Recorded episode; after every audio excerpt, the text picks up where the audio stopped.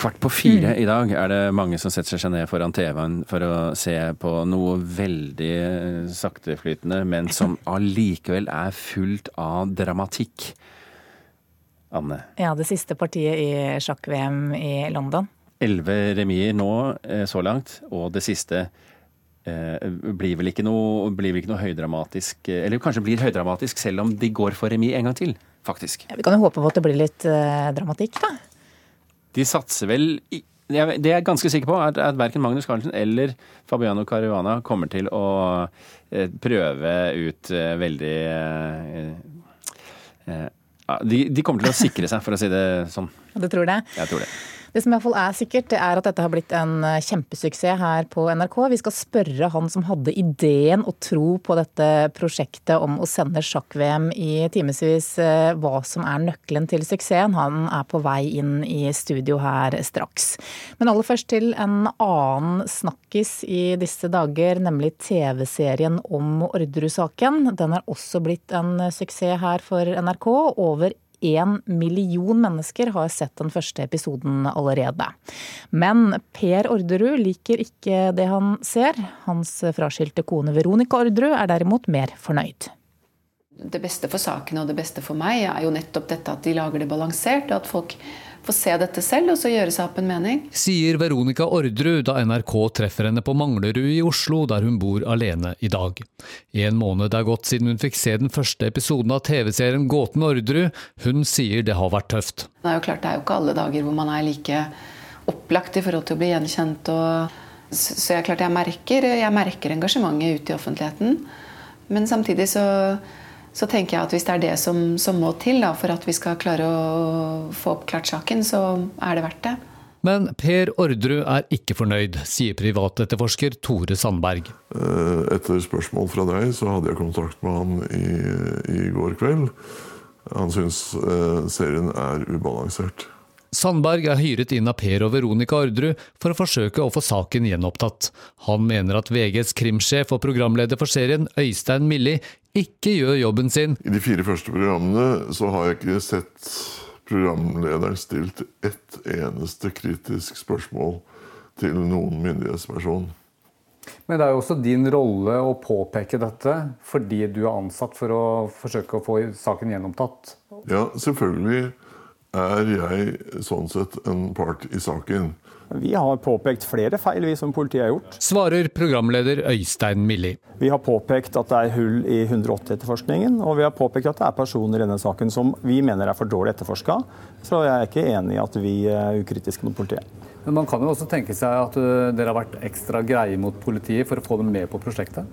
Vi har ikke vært ekstra greie mot politiet, nei. Men selv om Tore Sandberg synes serien er svak, er han glad for at den har ført til nye tips fra publikum. Jeg kan nevne et eksempel. Et vitne som uh, sier at det var hans sokk som ble funnet bak kårboligen. Den hvitstripede oransje ullsokken er blitt selve symbolet på Orderud-saken.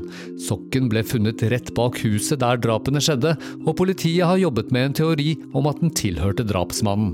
Sandberg vil ikke si noe mer om sokken, annet enn at han nå har møtt personen som sier at han er sokkens eier, og at opplysningene vil bli gitt til gjenopptakelseskommisjonen. Jeg, jeg, kommer ikke til å gi deg eh, detaljopplysninger om om dette.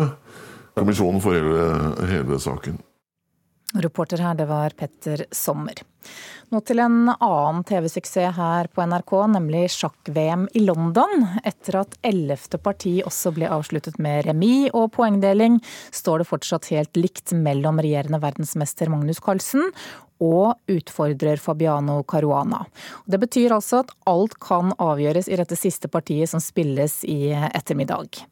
Produser for NRKs sjakksendinger, Reidar Stjernen, god morgen. God morgen. Hvor mange kommer til å følge dette siste avgjørende partiet direkte på TV?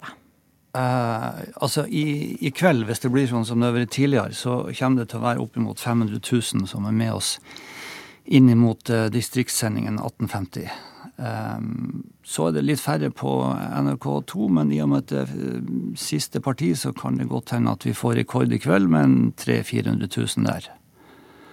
Storavisen The New York Times skriver om Magnus-effekten og hvordan Norge har falt for sjakk. Og ifølge avisen så er altså NRKs sjakksendinger en grunn til det. Det var du som først hadde ideen og troen på dette programkonseptet. Hvordan har dere klart å gjøre sjakk, som jo er et relativt eh, saktegående spill, til et TV-vennlig format?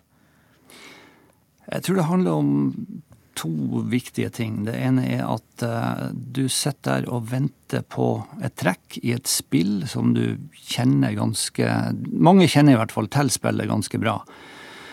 Og Da sitter du der og venter på neste trekk, og den forventninga i seg sjøl, den er jo da en form for uh, action i seg sjøl. Uh, det er jo Den biten er jo ganske kjent ifra sport.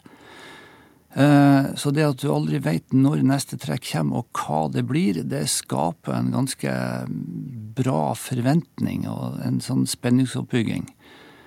Eh, og så har vi vært så heldige å ha fått med oss enormt flinke folk i studio. Eh, fra programleder Line til kommentator Torstein. Altså hele panelet klarer å by på noe i timevis som gir en nerve som folk vil være med på. Det blir på en måte som en sånn ja, litt sånn alene hjemmefest, hvor det er godt humør, og hvor man har eh, sjakkgjester, og hvor man har kjendisgjester som alle sammen bidrar inn i det her. Så det, det blir på en måte litt sånn ja, kanskje litt sånn vorspielstemning. Mm. Men i bunn og grunn så er altså et sjakkparti to personer som sitter på hver sin side av et sjakkbrett i timevis. Det var vel ikke gitt at det kom til å bli en seermagnet? Det var det jo ikke. Nei, det var det jo ikke. Så vi, vi, vi, var ikke helt sikre på hvordan vi skulle få det her til når vi først startet i, i 2013. Det, det, må jeg bare innrømme at vi var. Vi hadde jo til og med lagd klar en del reportasjer, innslag som vi skulle sende sånn litt sånn innimellom. Um, og så skjønte vi jo det ganske fort at det kan vi jo ikke, fordi at hvert trekk er jo veldig spennende å vente på. Så det kan vi ikke dekke over. Vi må få med oss alt. Um, så det viste seg at sjakkens natur i seg sjøl var såpass spennende at den bare lever sitt eget liv. Og Tidligere i år så fikk jo programleder Line Andersen Norges Sjakkforbunds hederstegn i gull. Og ifølge Sjakkforbundet så har hun og dere i redaksjonen klart å treffe det norske folk så godt at sjakk er blitt blant de mest sette TV-idrettene i, i, Norge. Kan du si litt om altså, hvordan finner dere gjester da, til å sitte i timevis og snakke opp på disse partiene?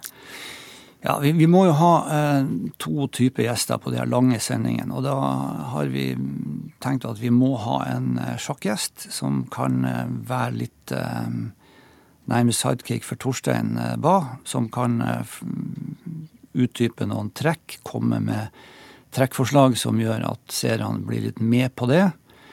Eh, og så har vi jo da tenkt at når vi da finner en kjendisgjest som er interessert i sjakk, så kan dette komplementere hverandre veldig bra. Og sammen med Line, som du nevnte, som klarer å holde et driv i studio som er helt fantastisk, så så har vi klart å finne en eller annen kjemi som gjør at uh, folk vil være med oss. Hvem vinner, tror du? Eh, til slutt så vinner Karlsen, men i kveld så tror jeg det blir remis. Og så blir det da et fryktelig oppgjør på, torst, eh, på onsdag, eh, hvor de skal spille fire hurtigsjakkparti, og så skal de spille potensielt fem runder med lynsjakk. Og så møtes de eventuelt da helt til slutt i Armageddon. Og da Jeg tror Carlsen tar eh, seieren allerede på hurtigsjakkrunden. Okay, det høres ut som det er mye å glede seg til for de som elsker sjakk. Takk skal du ha, produsent Reidar Stjernen. Og Heidi Rønneid, som er sjakkommentator her i NRK, kommer hit til Nyhetsmorgen om ca. Et, ja, et kvarters tid. Hun skal forklare oss hva vi kan vente oss av dette siste og avgjørende partiet i ettermiddag. Nå skal vi se hva avisen er opptatt av i dag. Striden om minnesmerket ved Utøya fortsetter, kulturreporter Oddvin Aune. Dagbladet viser i dag et eh, bilde i, som er tatt ved Utøyakaia, der det da skal komme et eh, minnesmerke etter de som ble drept i terrorangrepet på Utøya 22.07.2011. Og på dette bildet, som er tatt på avstand, så ser vi en person som eh, gjør noe som framstår som en en høyreekstrem hilsen. Altså Han løfter en knytta neve vendt mot Utøya. Dette er jo da en hilsen som kan minne om det som massemorderen også viste i, i retten. Bildet her ble tatt av en mann som bor i nærheten, og han hevder at han har sett høyreekstrem aktivitet på AUF-tomta altså på, på Utøyakaia et titalls ganger. Og han hevder bl.a. å ha sett eh, menn gjøre nazihilsen ved strandlinja. For Det er jo velkjent at det pågår en bitter strid i forbindelse med at det skal komme et minnesmerke ved Utøyakaia. og Mange av naboene synes dette er en stor belastning og ønsker at det skal ligge et annet sted. Hvordan ser de på det som kommer frem i Dagbladet i dag? Mannen som tok bildet bilde av denne eh, aktiviteten, mener at det, er et bevis på at myndighetene bør ombestemme seg eh, om plasseringen av minnesmerket. Han sier til Dagbladet at eh, et minnested på Utøyakaia vil øke oppmerksomhet og sørge for flere tilreisende. Naboene sier jo, som du er inne på, at det allerede er en stor og belastende pågang med tilreisende som vil se Utøya. Takk skal du ha, kulturreporter Oddvin Aune. Vi skal på teater nå. Komedien 'Cyrano de Bergerac' ble skrevet av en av Ibsens samtidige franske kollegaer, nemlig Edmond Rostad. Stykkets handling er lagt til 1600-tallet, og det ligger mye romantikk i luften. Lørdag var det premiere på Nationaltheatret, og vi skal høre et lite utdrag. Mørket faller på, jeg kjenner blomsterduft. Lar nesen trekke noen milde drag med luft av vår og jeg lar blikket gli i måneskinnet. Jeg ser en herre legger armen rundt sin kvinne. Da tenker jeg at det å rolig vandre her, gå hånd i hånd med henne, kvinnen man har kjær, er lykken. Og jeg glemmer. Helt til jeg kan lese et skyggespill på muren. Profilen av min nese. Dette er altså Bjarte Hjelmeland i tittelrollen Cyrano i forestillingen ved Nationaltheatret i Oslo, regissert av Kjetil Bang-Hansen. Teaterkritiker her i NRK, Karen Frøsland Nystøyl. Aller først må du fortelle hva dette stykket handler om? Altså, Egentlig handler det om forelskelse og om språk. Eller om indre og ytre skjønnhet. Det er en komedie, nå som vi hørte. Han er både poet og soldat og en fryktløs kar i alt annet enn kjærlighet. Han er så forelska i kusina si, og så har han så store kvaler fordi han tenker han aldri kan få henne når han har så stor ei nese som han, han syns at han, han har, da. Eh, men han har ordet i sin makt, og når han skjønner hvem hun er forelska i, så begynner han å skrive kjærlighetsbrev på vegne av denne kadetten som hun er så glad i. Eh, og det går egentlig ikke så bra for noen av de til slutt, denne kjærlighetshistorien. Så det betyr at dette både er en trist kjærlighetshistorie og en komedie på samme tid? Ja, i den grad det går an. Altså, Egentlig så er det ikke så morsomt. Det er mer en ettertenksom forestilling som løfter fram det poetiske mer enn kanskje den der humoren vi tror vi får når Bjarte Hjelmeland eh, kommer på scenen. Så syns jeg òg at forestillinga slår beina litt under egne premisser, nesten, i starten. Når det er så mye snakk om dette fæle utseendet og den store nesa, og Roxanne, denne hun jenta som han elsker så høyt, spilt av Andrea Brein Hovig, hun er jo ganske smart. Hun sier jo ganske tidlig at det er språket som tiltaler meg, jeg elsker disse brevene. Og hvorfor dette da ikke kan løses tidligere, det er nesten litt rart. Så det er akkurat som den ikke helt klarer å lande og balansere sin egen tematikk så godt. Mm. Uh, kan du si litt om Altså du syns andre akt er blir mer interessant ja. enn første. Hva er det som mm. gjør det? Der begynner det å skje ting. Der, der dør denne, denne, kadetten hun elsker så høyt. Og, og Cyrano har sjansen til Så man kan gripe det og la være å gjøre det. Eh, og det, det syns jeg er ganske interessant, at, at, det bare glir ut, dette med mulighetene som vi lar passere, da. Så hvis vi skal oppsummere, du mener Cyrano er poetisk, men kanskje ikke så morsomt? Ja, det, kort sagt så er det det.